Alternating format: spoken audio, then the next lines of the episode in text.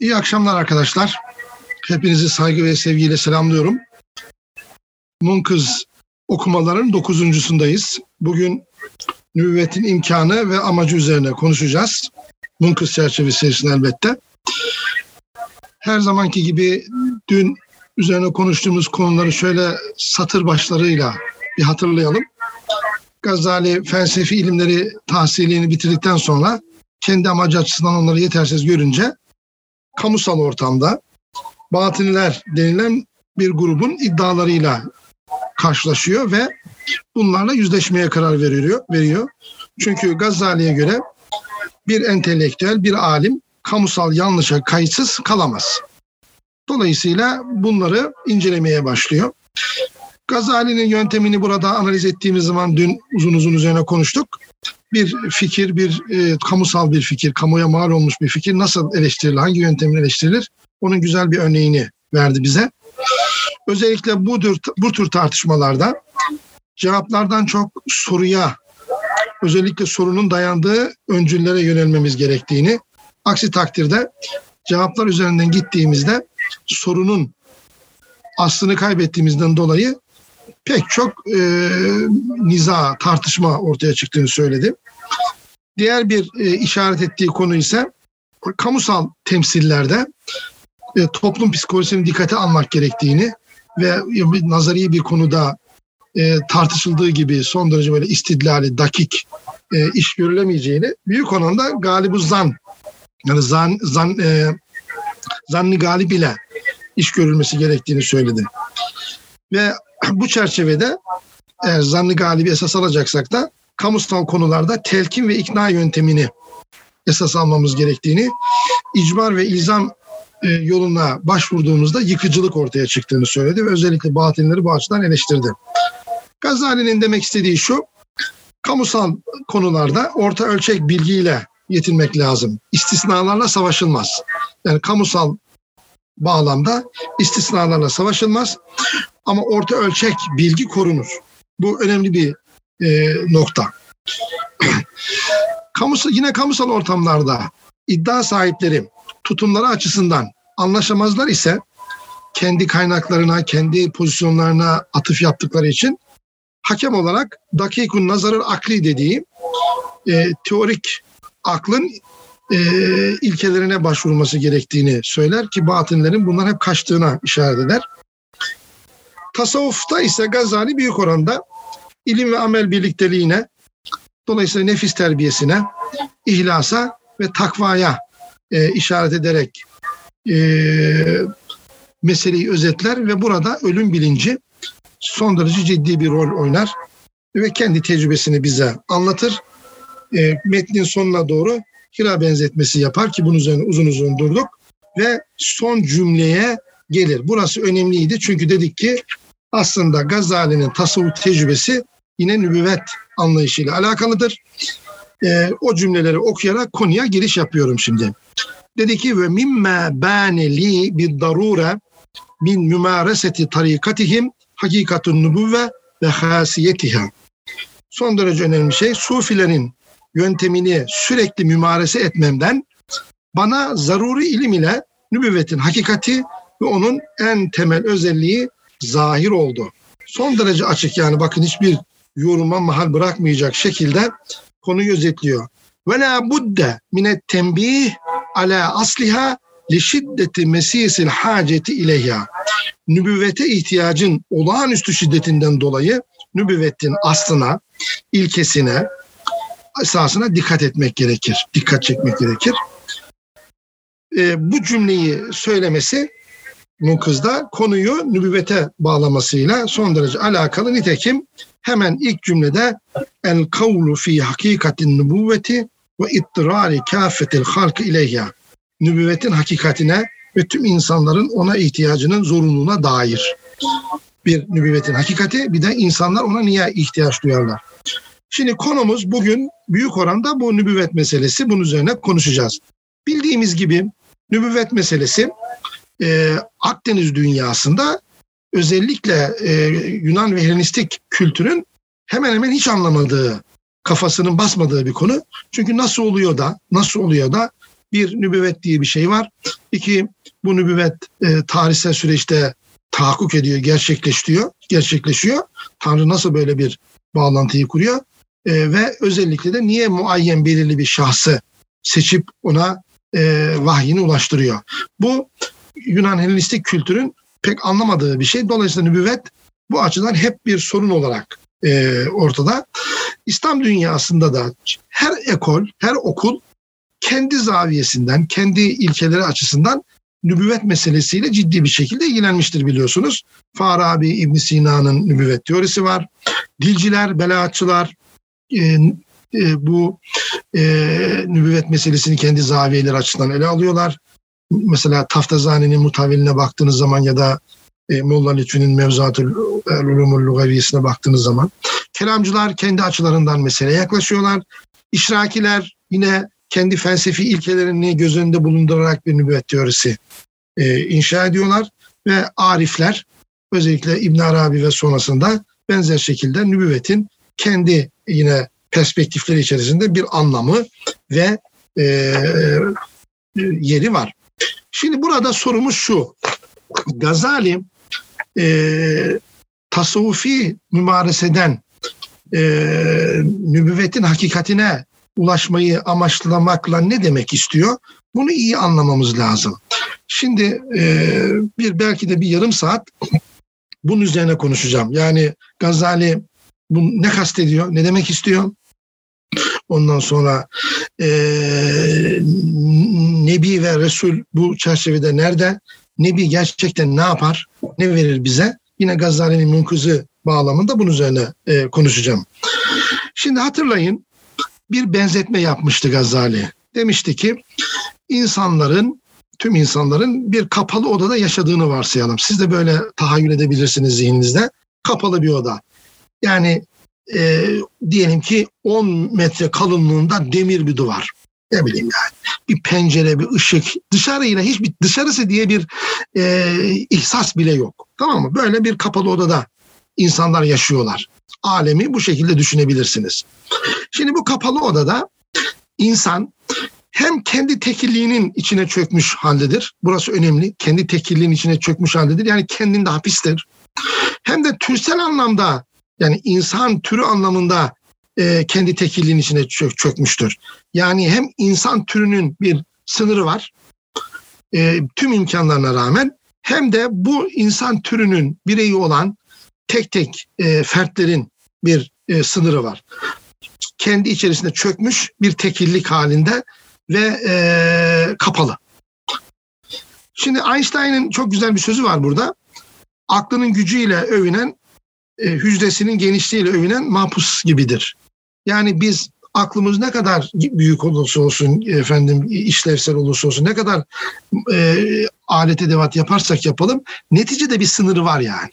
O sınırın ötesine geçemeyiz. Hiçbir zaman geçemeyiz. O açıdan kendi tekilliğimize çökmüş vaziyetteyiz. Şimdi bu halde olan bireyler bu kapalı odada dört grup oluşturuyorlar biliyorsunuz.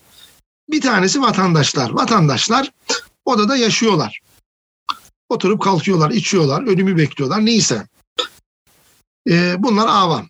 İkinci grup zanaatkar ve bilim insanları. Yani zanaatkarlardan başlayıp bilim insanlarına kadar gidebilir.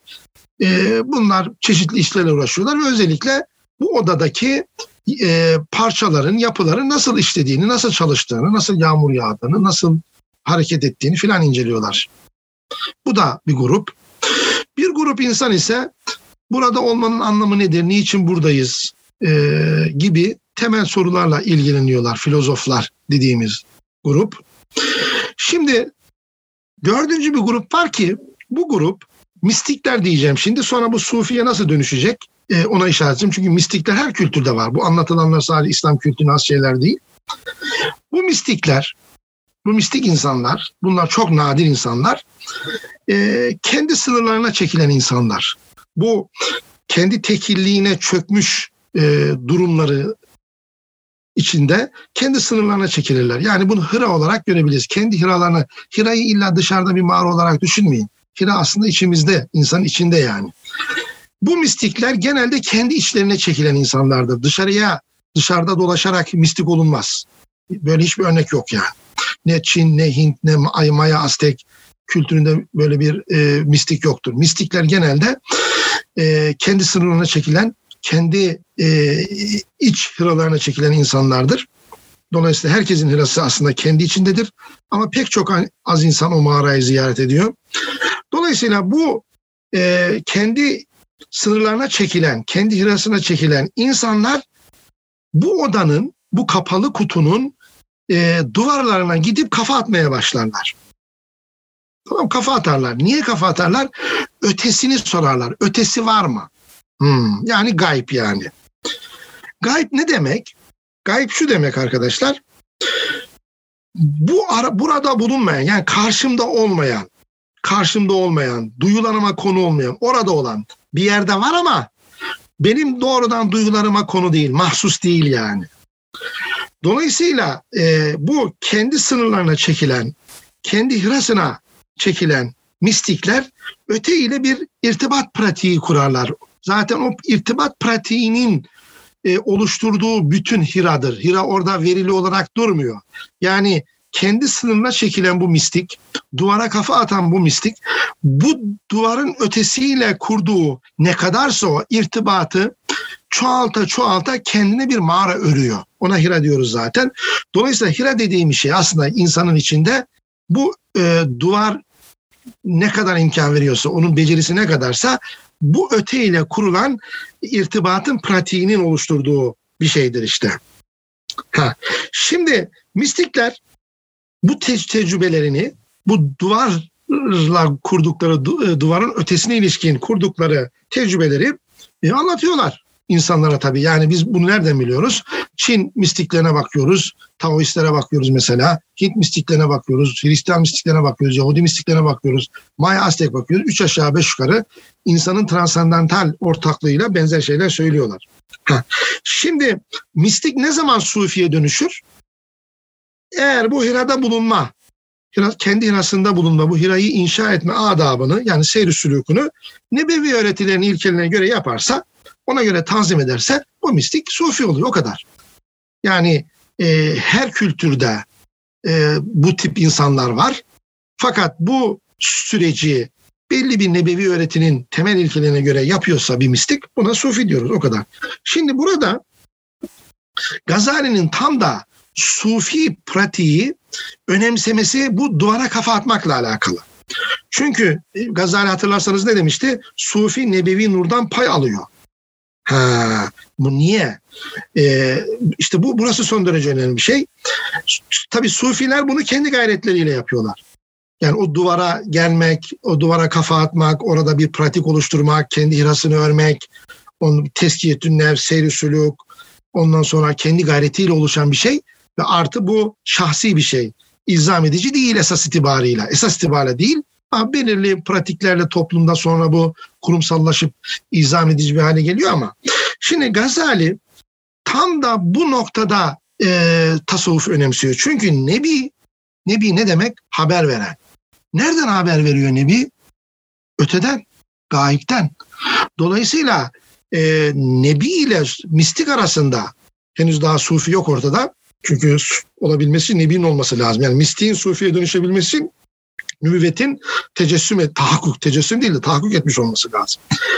Dolayısıyla Nebi dediğimiz kişi esas itibarıyla e, öteden, gaipten haber veren bir, biri. Ha, şimdi peki bunun Sufi'den farkı ne? Ve ne yapıyor? Şimdi aslında ne dedik? E, kapalı bir odadayız. Yani var olanlar dünyasındayız. Esas itibarıyla Nebi'nin yaptığı şey bu var olanları var olanları varlığın bir uzantısı haline getirme işidir. Yani içinde yaşadığımız sahnenin ötesinin olduğunu, bu sahnenin de içinde bulunduğu, yer aldığı daha büyük bir kümenin varlığına işaret eden e, bir kişidir. Nasıl yapıyor bunu? Şimdi dikkat edin biz dünyada ne yaparız genelde? E, mahsus bir dünyanın içinde yaşıyoruz. Bu mahsus dünyayı makule çevirerek zihnimize taşıyoruz mahsustan veriler geliyor beş duyumuz üzerinden. Alemi şehadet diyoruz değil mi? Beş duyu üzerinden veriler geliyor. Bunu biz makule çeviriyoruz. Ancak evrenle böyle irtibat kurabiliyoruz. Kendimizle de böyle irtibat kurabiliyoruz. Kendimizi de mahsustan makule çeviriyoruz. Tüm bilgi faaliyetleri esas itibariyle insanın mahsusu e, makule çevirmesi ve onunla bilgi üzerinden bir ilişkiye kurması demektir. Şimdi e, bu içinde yaşadığımız var olan dünyanın da kuşatan o kümeden nebi peygamber getirerek veri getirerek aslında alemi gaybı da bizim için makul hale getiriyor. Bunu Kaşani, Abdurrazak Kaşani e, söylüyor.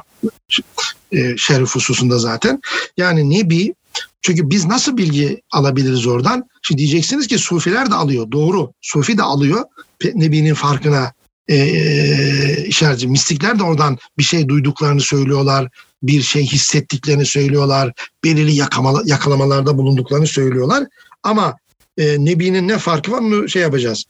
E, Nebi Sufiler gibi belirli bir e, cehdü gayretle, seyri sülükle, tezkiyetü nefsle, tehzibül ahlakla değil, doğrudan sahip olduğu bir kognitif yetiyle nebevi, şey, e, vehbi, nebevi idrak Gazali'nin işaret ettiği. Nasıl ondan bahsedeceğim? Nebi, vehbi olacak. Yani bu kazanım yoluyla, cehdü gayretle elde edilen bir şey değil. E, vehbi, nebevi bir idrak var. Bu vehbi, nebevi idraka hitap ediyor e, gayb ve bu gaybın en başındaki mutlak huve ve oradan aldığı bilgileri e, bizim için makul hale getiriyor. Dolayısıyla bir taraftan e, bilim adamları, filozoflar, benzerleri mahsusu bizim için e, makul hale çevirirken Nebi de alemi gaybı e, oradan gelen verileri bizim için makul hale getiriyor. Şimdi burada e, iki temel fonksiyonu var Nebi'nin. E, birincisi iki türlü haber veriyor daha doğrusu. Birincisi gaybi nesneler. Yani biz cennet, cehennem ve benzeri şeyleri nereden bileceğiz? Belirli ihsaslarda bulunsak bile mistiklerin yaptığı gibi onları somutlayamayız. Onlara ad veremeyiz yani. Bir şeyler hissederiz. Belirli bir mistik tecrübe yaşarız ama onlara ad veremeyiz. Gaybi nesnelere e, adı kim verecek ya da bize orada şu şu tür nesneler olduğunu, entiteler olduğunu kim söyleyecek? Peygamber söylüyor. Bu işte şeydir. Nebi budur aslında. Varlığın külli idrakini veriyor bize böylece. Onun için e, tüm ilimleri cami olduğunun nebilerin tüm ilimleri cami olduğunu söylemesi bu anlamdadır.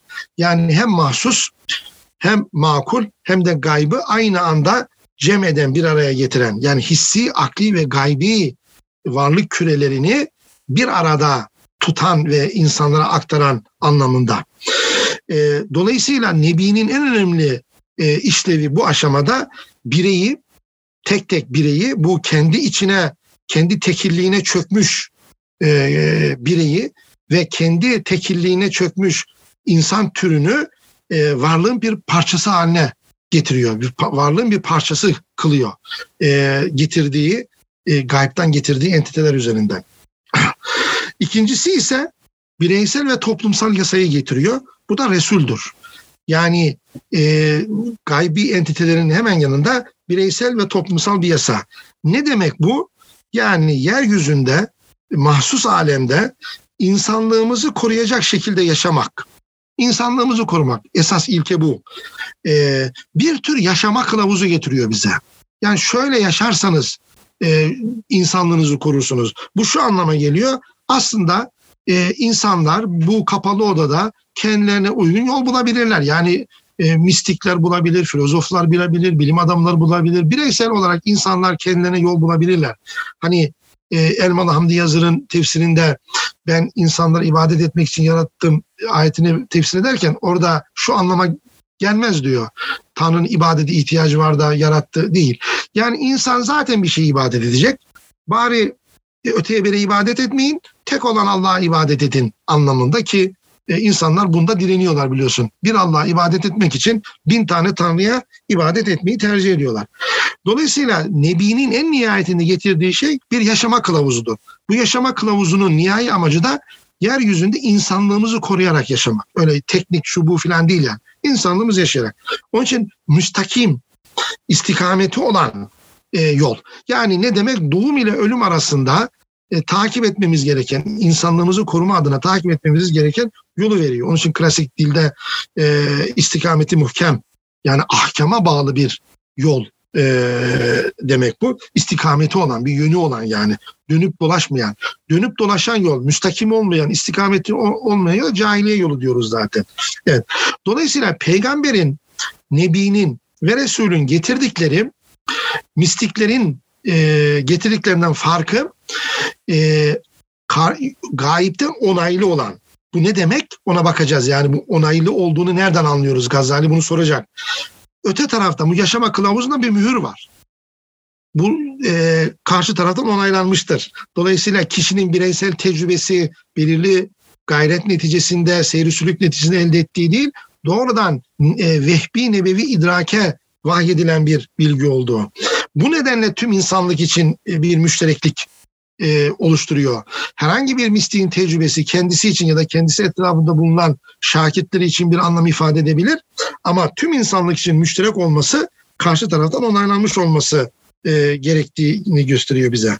Şimdi tabii burada e, Gazali şunu soracak. Bunun karineleri nelerdir? Yani biz herhangi bir kişinin e, Nebi ve Resul olarak getirdiği yaşama kılavuzunu ve e, ister gaybi nesnelere verdiği adlar, e, oradaki nesneler hakkında haberler olsun, ister bireysel ve toplumsal yasa olsun.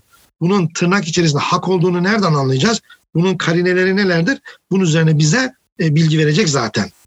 Şimdi e, kısaca bu yaşama kılavuzu e, bize bir teklifte bulunuyor. Bu teklif e, telkin, ikna ve tahkike dayanır. Yani Sufilerinki şahsidir. Şahsi de hatırlayın. İzam edici değildi. Ama şeyin, e, Nebi'nin ve Resul'ün getirdiği telkin, ikna ve tahkik yöntemiyle elde edilir ve bir ilzam ediciliği var. Ee, ve bu ilzam edicilik esas itibariyle bireysel. Çünkü e, teklif tek tek bireylere yapılan bir şeydir. Ve dolayısıyla peygamber üzerinden, peygamberin, e, Nebi'nin e, üzerinden Tanrı her bir bireyi muhatap alır ve muhatap alınan birey kendisine takdim edilen teklifi, e, tebliğ edilen teklifi kabul et, edip etmeme e, hürriyetine sahiptir. Tercih e, makamındadır. E, aklıyla kullanarak seçebilir, havasını kullanarak seçmeyebilir fark etmez. E, her halükarda da mükelleftir. Yani seçerse de mükellef, seçmese de mükellef, tercih etmese. Tercih etmese, tercih etmediği için e, hesaba çekilecektir. Tercih ederse e, bu mükellefiyeti ona bir mesuliyet yükleyecektir. Bu mesuliyeti yerine getirmesini onu halife kılacaktır. Dolayısıyla e, Nebi'nin e, getirdiği haber e, kişinin e, kendi içine, kendi tekili içine çökmüş bireyin yeryüzünde yolunu, yordamını, işte o sırat-ı müstakim dediğimiz yolunu, yordamını bulma imkanı verecektir ona o kadar. Şimdi burada Gazali e, batınilerle bunu ilişkilendirdiği zaman e, aynen şunu söylüyor. Batinlere niye Gazali çok yükleniyordu? İşte bu nübüvvet kurumunu ilahi seçilmiş kozmik aile kavramıyla e, zayıflattığı için. Şimdi daha önce de söyledik. İlahi seçilmiş kozmik aile kadim siyaset felsefesi önemli bir kavramıdır. İslam medeniyetinin ise Pers siyasi ideallerinin e, İslam'a entegre edilmesiyle ortaya çıkıyor. Bunun uzun nedenleri var. E, özellikle e, Sasani hanedanının e, neslinin Hazreti Hüseyin'in üzerinde devam etmesi prensesle evlendiği için. Ve buradan gelen bu e, ilahi seçilmiş kozmik aileden gelen masum imam ontolojik bir ayrıcalığa sahiptir. Ailenin tüm ontolojik bir ayrıcalığa sahip. Özellikle imam ekstra bir ayrıcalığı var. Bu e, nübüvveti tehdit ediyor. Şimdi bu Gazali burada çok dikkatli. E, belli bir yere kadar e, onların iddialarının makuliyetini de takip ediyor. Ve diyor ki e, burada en önemli farklardan bir tanesi e, masum imamın ve etrafındakilerin öğretisi bir teklif değildir diyor. Dolayısıyla insanların burada bir tercihi yok. İcbar ve ilzam var. Nübüvvet, e, nübüvvetin getirdikleri haberle e, şeyin masum imamın ya da bu batıniliğin iddia ettiği haberin en önemli farklarından bir tanesi e, kişiye, bireye, muhataba bir teklifte bulunup yani onu tebliğ edip bak teklif budur, tercih senindir, hesabını vermen kaydıyla diye bir şans vermiyorlar. E, doğrudan icbar ediyorlar. Ya bizdensin ya değilsin. E, peki icbar ve ilzam süreci işlemezse e, katlediyorlar. Dün üzerine konuştuğumuz e, şekilde. Şimdi dolayısıyla e, özetlersek e, Gazali'nin anlattığı çerçevede Nebi esas itibarıyla insanın e, içinde bulunduğu bu kapalı odanın daha büyük bir kürenin, e, bu var olan küresinin daha büyük olan varlık küresinin bir parçası olduğunu esas itibarıyla e, inşa eden bir e, bilgiyi de bize sunmuş oluyor. Onun için nübüvvet basit anlamıyla sadece bireysel ve toplumsal bir yasa değil, e, doğrudan e, insan varoluşunun, insan var olmasının ya da e, varlıkla irtibatını kuran ve bunu e, nasıl diyelim e, bir onaylı bir şekilde e, yapan ve bunun da bu onaylı olmasından dolayı da bir müştereklik e, inşa eden bir yapı e, üretiyor. Bu son derece önemli. Şimdi e, bu özeti verdikten sonra İbn Şeyh'in Gazali'nin dediklerine bakalım. Diyor ki: "İ'lem enne cevherel insani fi aslil fıtrati kulike haliyen sâzicen la habera ma'ahu min avalimillahi teala vel avalimu kethiratun la yuhsiha illallah teala kema kal diyor. Şimdi burada Gazali'nin bize göstermesi, anlattıklarından hareket ederek söylüyorum, bize göstermesi gereken şey nebevi, vehbi nebevi bir idrakin anlamı nedir onu anlatacak bize. Diyor ki, burası çok enteresan, insan fıtri olarak bomboş doğar. Hani meşhur Locke'un tabula razası gibi yani. Boştur. Haliyetun, haliyense haliyeten an kulli şey diye de geçecektir bu. Ha. Hiçbir la habera ma'hu min avalimillahi teala. Allah'ın yarattığı hiçbir alemden haberi yoktur. Buradaki avalimi sakın şöyle anlamayalım. Ee, kozmos, bir kozmos var, iki kozmos var, üç kozmos anlamda değil. Ee, var olanların cinsleri diyor. Zaten kendisi bunu diyor. Ne kastediyorum? Ve na'ni bil avalimi ecnasel mevcudati. Var olanlar yani bitkiler, hayvanlar, efendim atom altı yapılar, bugünkü tabirlerle konuşursak e, melekler hepsi bir alemdir çünkü. Şimdi insan fıtri olarak boş şey yapıyor, doğuyor. Yani hiçbir bilgisi yok. E, ve belli bir alem çokluğu içerisinde doğuyor. Çok bitkiler, hayvanlar etrafımızda. Gördüklerimiz var, görmediklerimiz var. Şimdi biz bu alemlere nasıl irtibat kuracağız? İdrakle kuracağız. İdrak yakalamak demektir biliyorsunuz Arapçada. Yani biz bu alemleri idrakimizle yakalayıp kendimize çekeceğiz. Yani bir tür olta atacağız, kendimize çekeceğiz. Ne dedik? Mahsusu ve gaybı yani gelen verileri makule çeviriyoruz. Başka bizim bir şansımız yok. Şimdi diyor ki Gazali her bir idrak bir aleme bizi bağlar. Her şey e, idrakin. Mesela duyular diyor dokunma. Dokunma duyusunun oluşturduğu aleme bizi bağlar. Renkleri, sesleri e, ancak idrak edemez dokunma duyusu. Sadece duyulur, şey dokunma duyusuna altına düşen e, alemi idrak edebilir. E, renkleri, sesleri, şekilleri idrak etmek için ise görme duyumuz ortaya çıkar. E, görme duyumuz vardır. Bu en geniş alemi oluşturur. Sonra duyma duyumuz var. Sonra tat alma. Koklamadan bahsetmiyor nedense. Şimdi insan belli bir yaşa geldikten sonra 7 yaş diyor buna. Bir tavır değiştirir. Eraklı temizi dediğimiz temiz gücü ortaya çıkar. Bak yepyeni bir şey. Yararlı ve zararlı dediğimiz durumları birbirinden ayırır. Bunları beşlüğü yapamaz. Ne oldu? Bir idrak, bir level, bir merhale daha üste çıktık. Dolayısıyla alemimiz genişledi. İçinde bulunduğumuz o e, odada, odanın içinde de belirli idrakten kaynaklanan belirli şeyler var, e, küreler var. İşte duyular küresindeydik. Sonra temiz küresi geldi. Bir genişledik. Sonra hatta şey diyor değil mi? Ve huve tavrun min etvari vücudihi. Sonra ne oldu? Akıl geldi. Sümme yeterakka ila tavrın ahar. Yeni bir e, varlık moduna geçti. Tavra bir mod diyebilirsiniz. Yeni bir moda geçti. Bu sefer e, ne duyuların ne de temiz gücünün e, idrak edemediği zorunluluklar, gereklilikler, yasalar bir sürü şey idrak etmeye başladı. Böyle ak, akıl üzerinden alemi biraz daha genişletmiş oldu. Şimdi diyor ki Gazali e, benzer şekilde aklın da ötesinde başka bir mod olabilir. Vera el akli tavrun ahar tenfetihu fihi aynun uhra yubsiru bihal gaybe ve ma seyekunu fil mustakbel. Yani aklın ötesinde yeni bir tavır olabilir. Tıpkı burada bir imkandan bahsediyor tamam mı? e, bir şimdi bunun üzerine konuşacağım. E, takdir nedir, tecviz nedir, makbuliyet nedir bunlar üzerine konuşacağım e, aşağıda.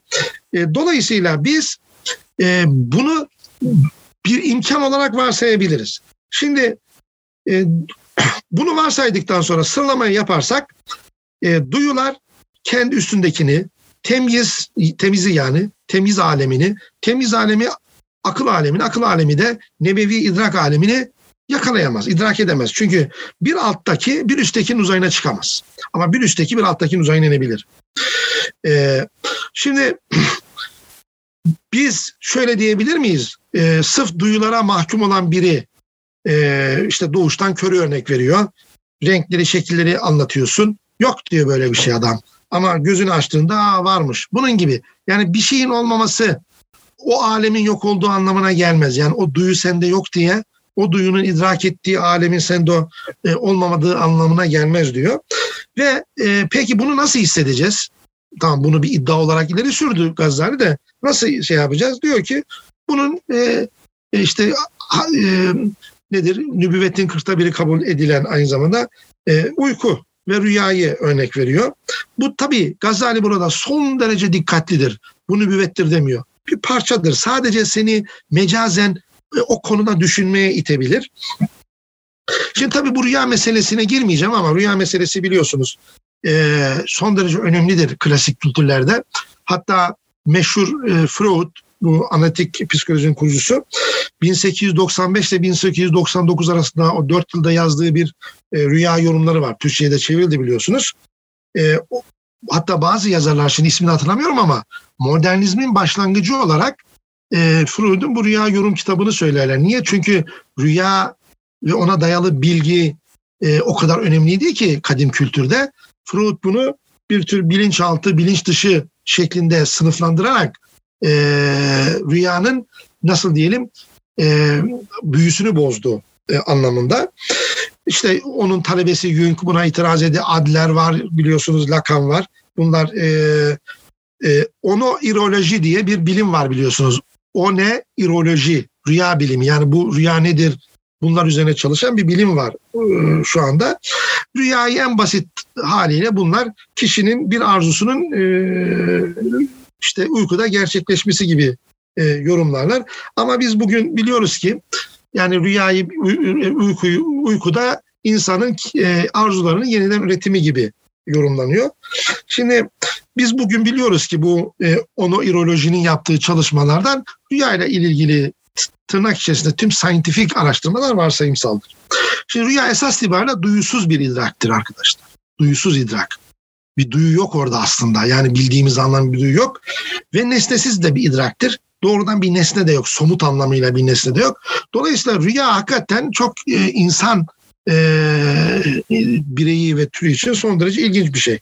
Neticede Gazali rüyaya, uykuya işaret etmesi e, nübüvvete, nübüvvet kavramını, nübüvvet nebevi idrakin ne olduğuna ilişkin insanda bir ihsas oluşturma amacı güttüğünü söyler.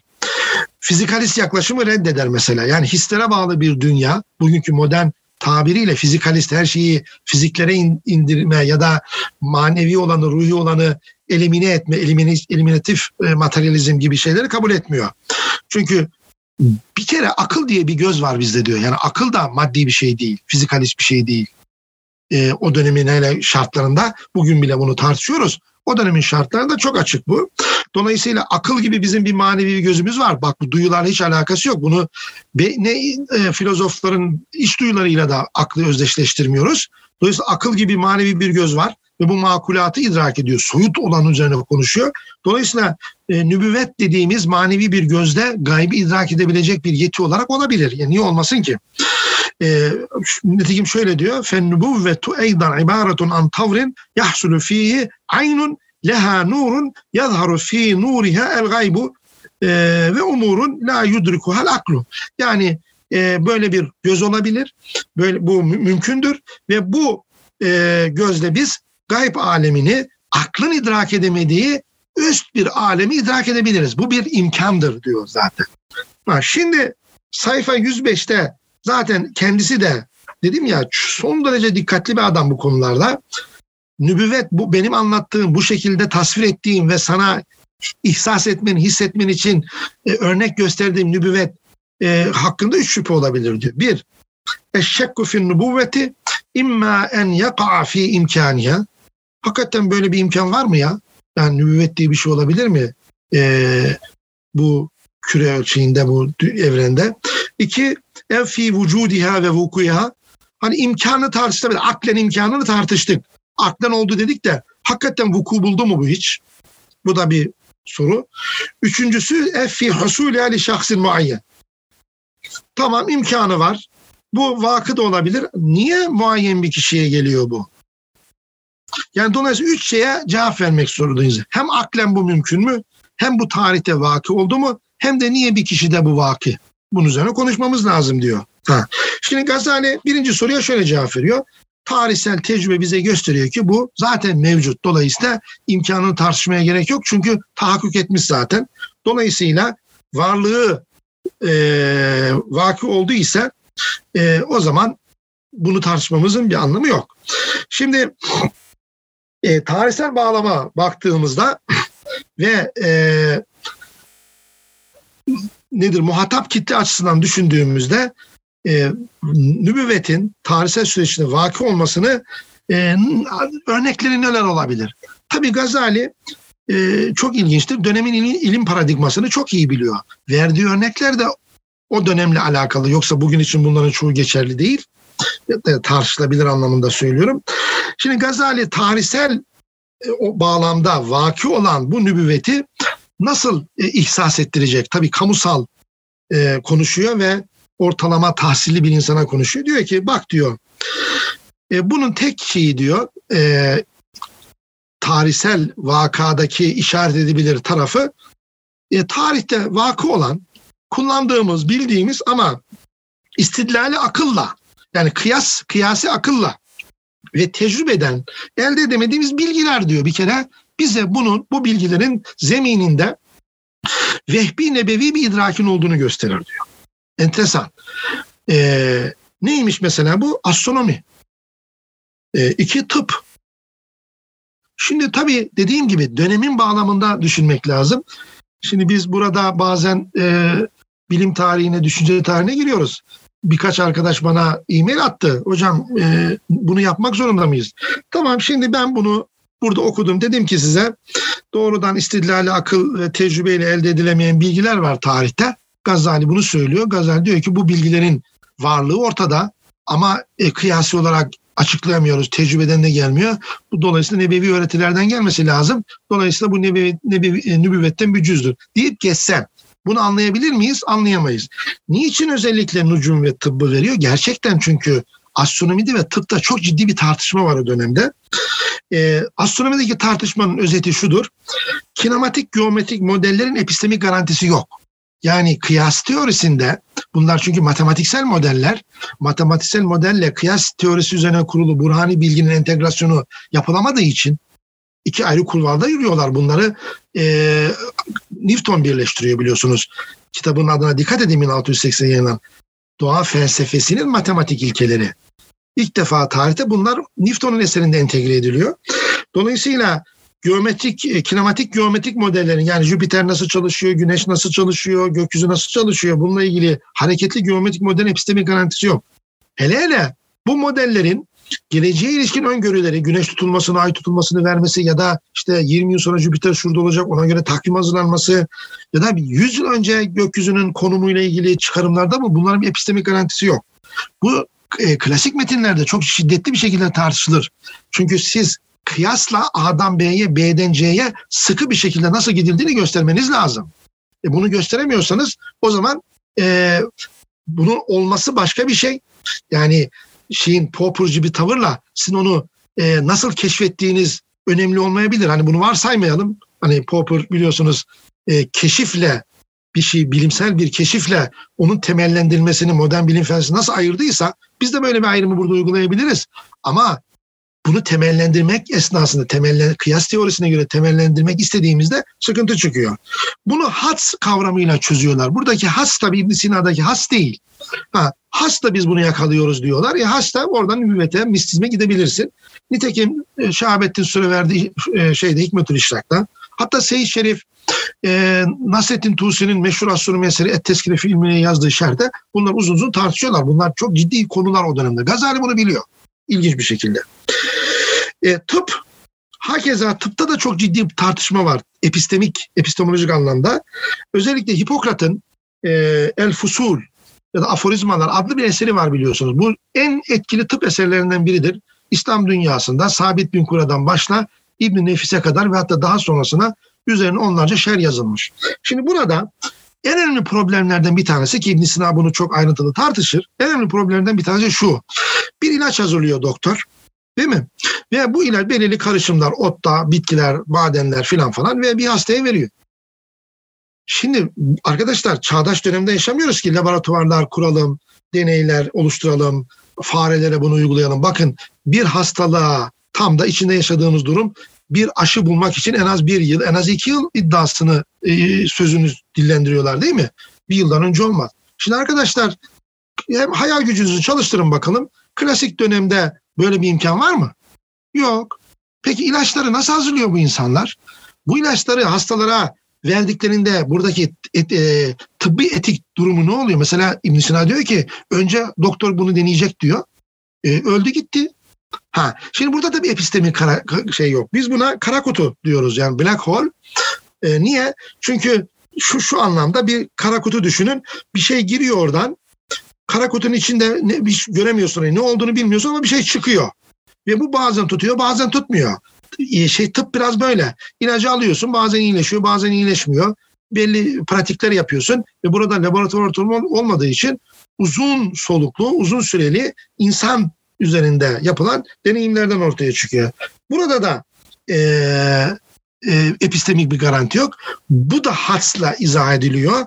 İlahi ilham diyorlar hatta tabipler buna. El, il, e, el ilhamul ilahi. Gazali de bunu söylüyor zaten.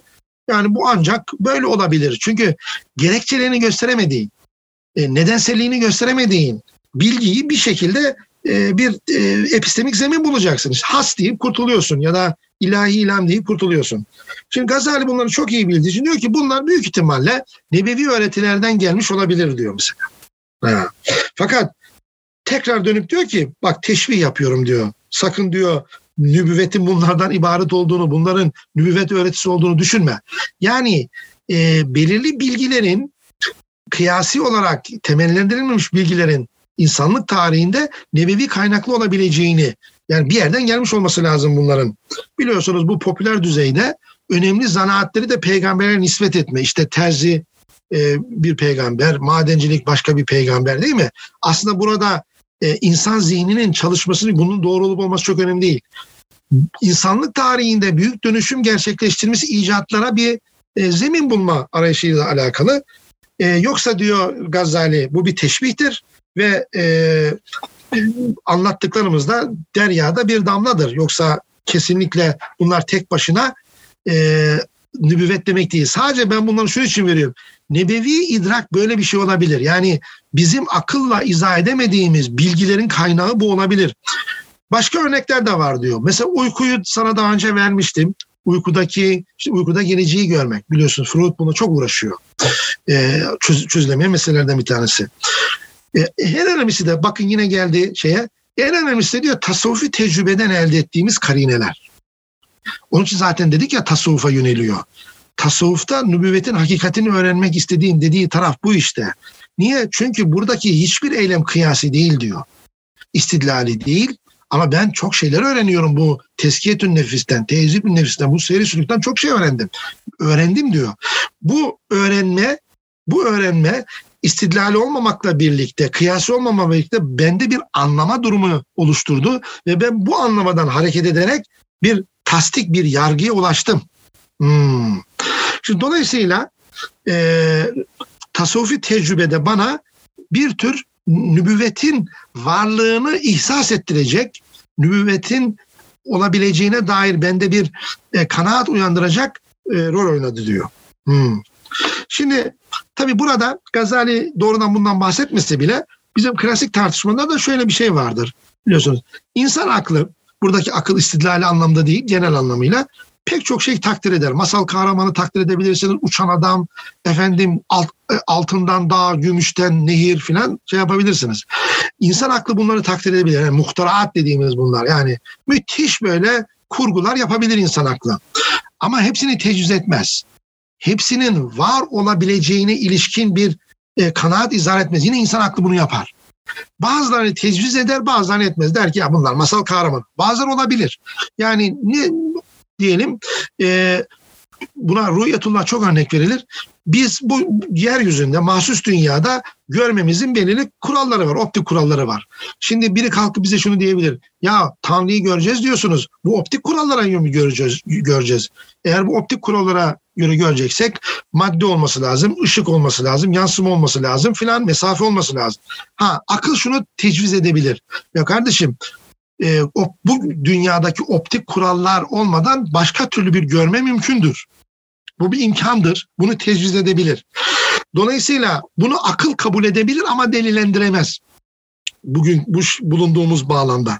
Buna makbuliyetul akl, medluliyetul akl diyorlar. Yani aklın kabul edebileceği e, şey ya da mesela e, e, bir deveyi e, iğnenin deliğinden geçirmek de bir takdirdir. Ama akıl bunu tecrübe etmez, e, kabul de etmez. E, bunu bir saçmalık olarak görebilir. Ama öyle e, şeylerimiz, takdirlerimiz var ki bunları tecrübe ederiz ve bunları kabul ederiz delillendiremezsek bile. Gazali'nin tam da dediği bu. Tüm ben sana verdiğim örnekler diyor. Esas itibarıyla böyle bir durumun yani vehbi nebevi idrak durumunun akıl tarafından kabul edilebileceğini yani aklın bir üst tavrı olarak kabul edilebileceğine e, belirli karinelerdir diyor. Evet. Üçüncü probleme geldiğimiz zaman neydi bu? Niçin muayyen bir kişi? Sayfa 107'de e, niye tek bir kişiyle fe in fe in vaka leke şakku fi şahsin muayyen ennehu nebiyyun emla. Yani bir kişinin ben nebi olduğunu nereden anlayacağım? O da nebi olduğunu söyleyebilir. Bu da söyleyebilir.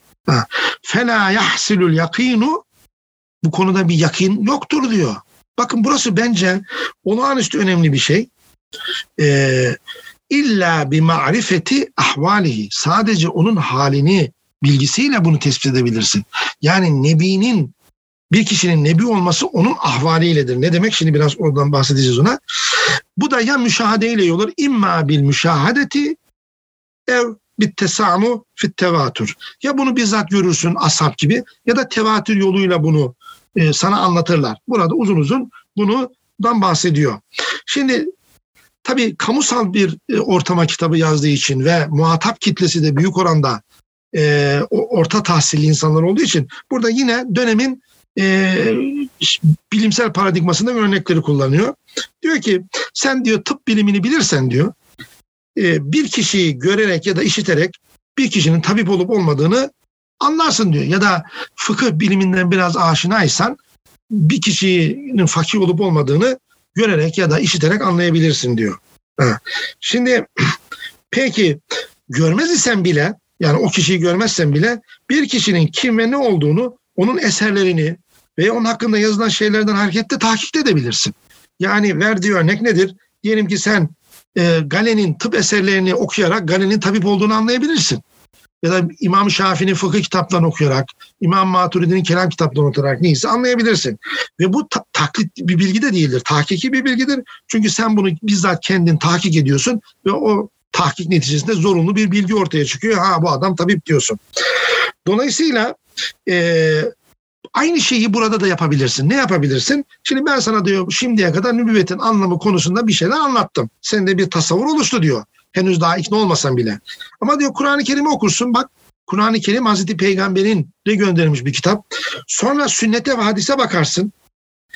Yani içeriye bakarsın ve, uç, ve o içeriği bizzat yaşayıp yaşamadığına bakarsın, temsiline bakarsın. Tüm bunlar tıpkı o Galen'in eserlerini e, okuyarak onun tabip olmasına karar vermen gibi sen bizzat müşahede yoluyla Hazreti Peygamber'i görmesen bile, bir kişiyi görmesen bile onun e, ona nispet edilen asardan ve ahbardan hareket ederek onun nebi olduğunu söyleyebilirsin diyor. Ama burada e, en önemli şey Şin Gazali'nin e, işaret ettiği kendisinin peygamber olduğunu söyleyen kişinin kendisine sadakatine bakarsın. Bak bu çok önemli bir şey. Ben bunu biraz daha genişletebilirim. Bir Müslümanın Müslüman olması İslam'a, Müslümanlığına sadakatıyladır. Bir Marksistin Marksist olması Marksizme sadakatiyle alakalıdır. Onun için bak e, dikkat ederseniz şeyden 100 e, şeyde 107 ve 108'de sırf şu kelimeyi kullanıyor. Keyfe sadaka. Bir bak diyor. Bir söz hemen Hazreti Peygamber'den bir söz veriyor. Keyfe sadaka. Nasıl sadık bir şekilde konuştu. Yani hem söylediklerinde hem de eylediklerinde kendisini nebi olarak e, takdim eden kişinin kendisi nasıl temsil ettiğine bakarsın. Tamam mı? Kendisini nasıl e, tecessüm ettirdiğine, tahakkuk ettirdiğine bakarsın ve bu tecrübe sana yakini bilgi verir diyor. Tıpkı Gari'nin eserlerini, e, İmam Şah'ın eserini okumak neticesinde elde ettiğin bilgi gibi. Yani bir bak bakalım diyor Hazreti Peygamber ne yapmış. Şimdi peki e, burada mucizeler işe yaramaz mı? Entesan bir çıkarım var Gazan. Hayır diyor. Mucizeler tek başına bir kişinin nebi olduğunu bize vermez. Tek başına. Bir karinedir onlar. Çünkü tek başına bunları alırsak diyor bunlar sihir olarak da yorumlanabilir, hayal olarak da yorumlanabilir. Peki icazı alalım. Hani icazul Kur'an. Burada çok radikal Gazali. Diyor ki icazı al. Başka bir icaz çıkarsa kafan karışır. Yani Kur'an-ı Kerim'e eş değer bir metin ürettiği zaman bir Arap e, ne yapacaksın?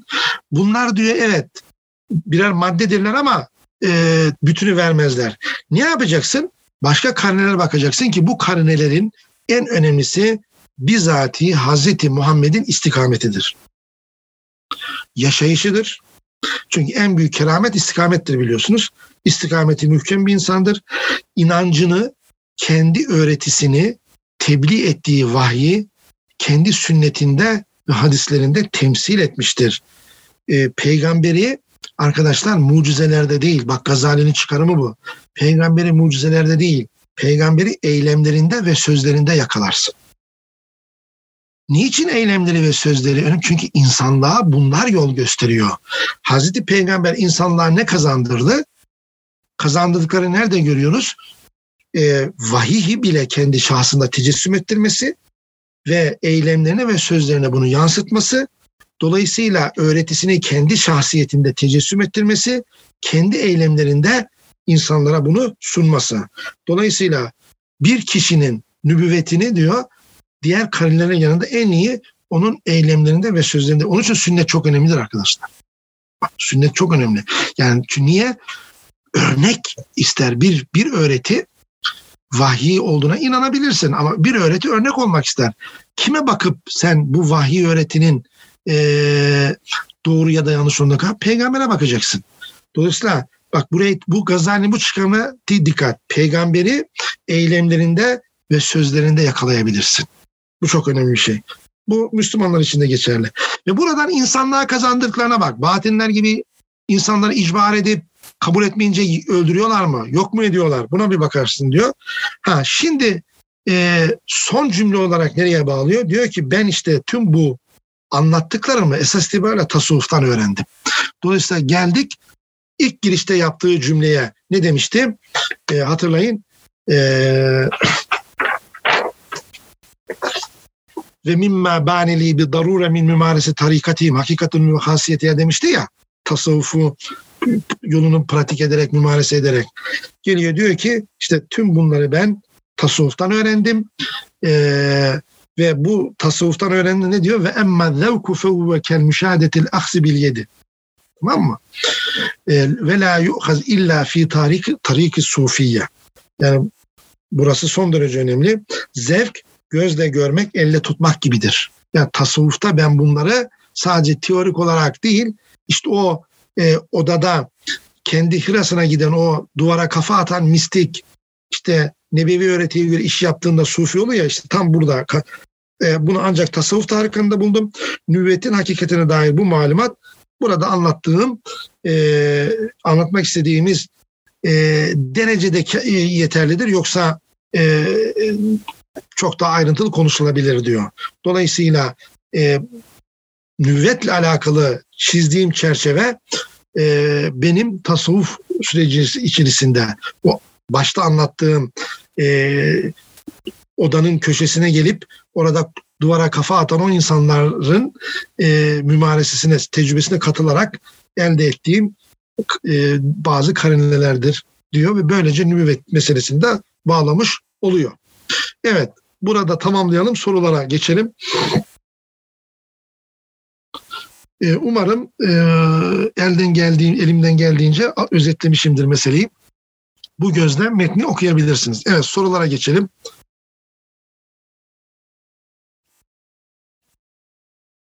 Ben okuyamıyorum bu şeyi. Evet. Şimdi bir dakika. Yukarıya çıkayım.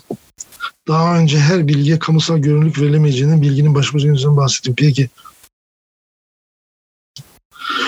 e, şu anda teknolojik sebebiyle ortaya çıkan e, bu devasa bilgiyi nasıl yönetilecek? İşte insanlar bunu üzerine düşünüyorlar. Şimdi tabii e, bilginin hacmi ile bilginin e, kamusallığı arasındaki oran çağdan çağa değişir. O dönemdeki arkadaşlar ulaşımı düşüneceksiniz, iletişimi düşüneceksiniz, e, bilginin dolaşım imkanlarını düşüneceksiniz. Yazma eserlerle oluyor her şey. E, dolayısıyla bilginin e, kamusallığı da oradaki maddi imkanlarla alakalı. Her zaman söylüyoruz madde ve mana at başı gider. E, bugünkü iletişim, ulaşım e, araçlarıyla bilginin kamusallığı arasındaki oran çok fazla değişmiyor merak etmeyin. Çok üst bilgi aşağıya çok öyle kolay inmiyor. Yani kuantum çalışmaları, ondan sonra astrofizik çalışmaları, kozmoloji, genetik bunlar çok da kamusal bilgiler değil. Kamusal, bir kere kamusal bilgiler yine kontrol ediliyor merak etmeyin. Ee, Aliya'nın sözünü hiç unutmayın. 1983'te söylemişti. Önümüzdeki dönemler e, yüksek bilginin ve high teknolojinin, yüksek teknolojinin kontrol edildiği yıl, yıllar olacaktır. Doğru.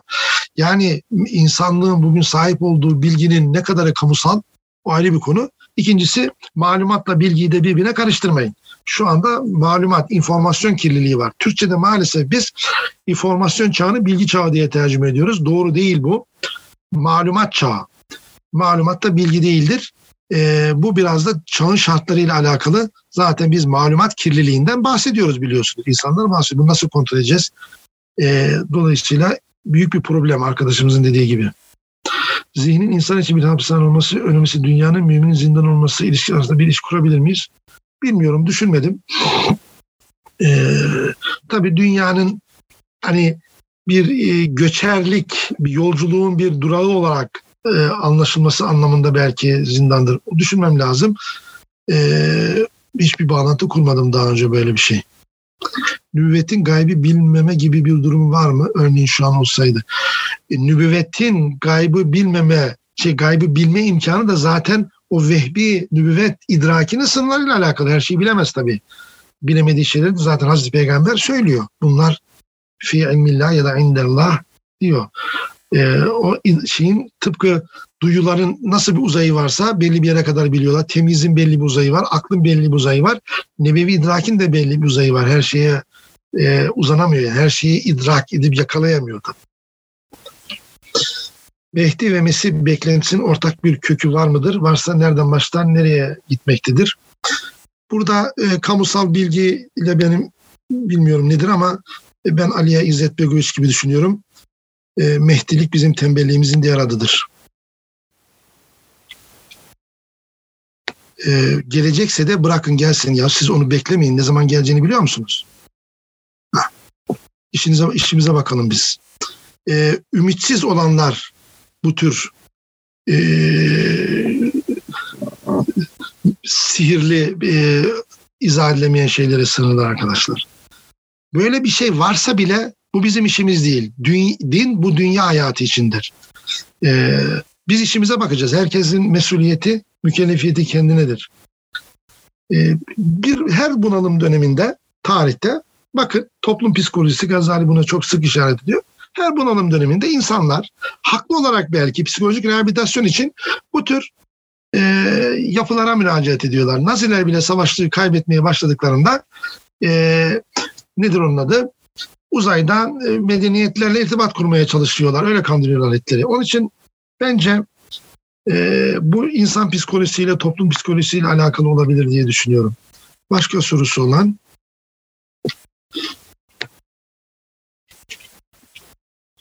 e, nübüvvetin gaybı makul hale getirme gibi durum olabilir mi?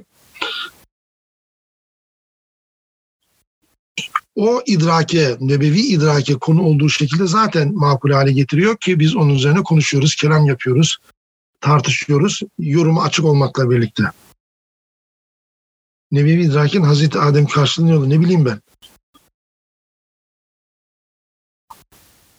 Bilemiyorum. Sorarız onu. Arkadaşlar bu kadar zor sorular sormayın. Günümüzde bir nübüvvet teorimiz var mı? Yok. Hangi konuda teorimiz vardı abi? O mu kaldı yani? Ee, İbrahim Halil Hoca'nın söylediği güzel bir söz var.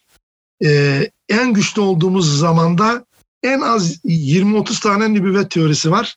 En zayıf olduğumuz konuda yok. Zay- en zayıf olduğumuz durumda, zamanda yok. Ee, hangi konuda teorimiz var?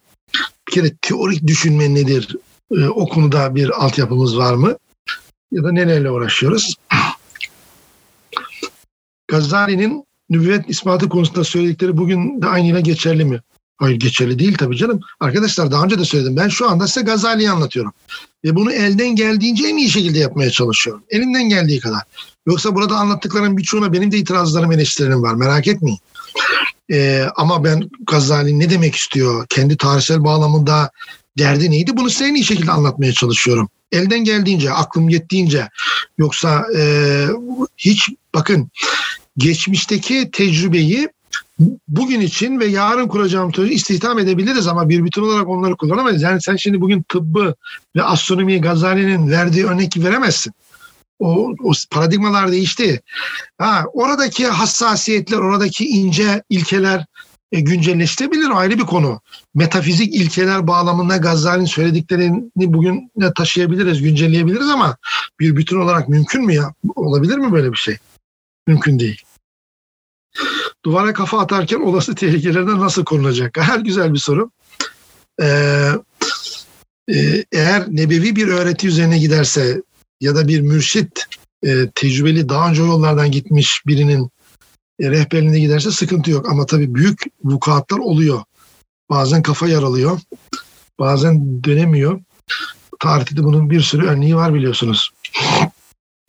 Gazali'nin kurtuluş yolu olarak bulduğu tasavvuf yapının ne olduğuna dair herhangi bir yöntemi var mı yoksa tasavvuf derken neyi kastediyor? Kendi bağlamında. Ama bunu anlattık arkadaşlar.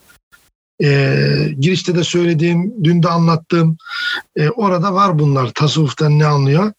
E, tasavvuf kurtuluş yolu değil arkadaşlar. Yani kurtuluştan neyi kastediyor? Bunlar tek başına düşünmeyin. İç içe geçmiş şeyler bunlar. Gazali fıkıh. Toplumda fıkıhtır onun e, müracaat ettiği şey. E, nazari meselelerde kelamdır. Yani böyle tek bir yöntem var. Her şeyi o veriyor. Öyle bir gazan öyle bir yaklaşım yok. Bunu uzun uzun anlattık. Bir daha onlara gelmeye dönmeyelim. Sorular bu sefer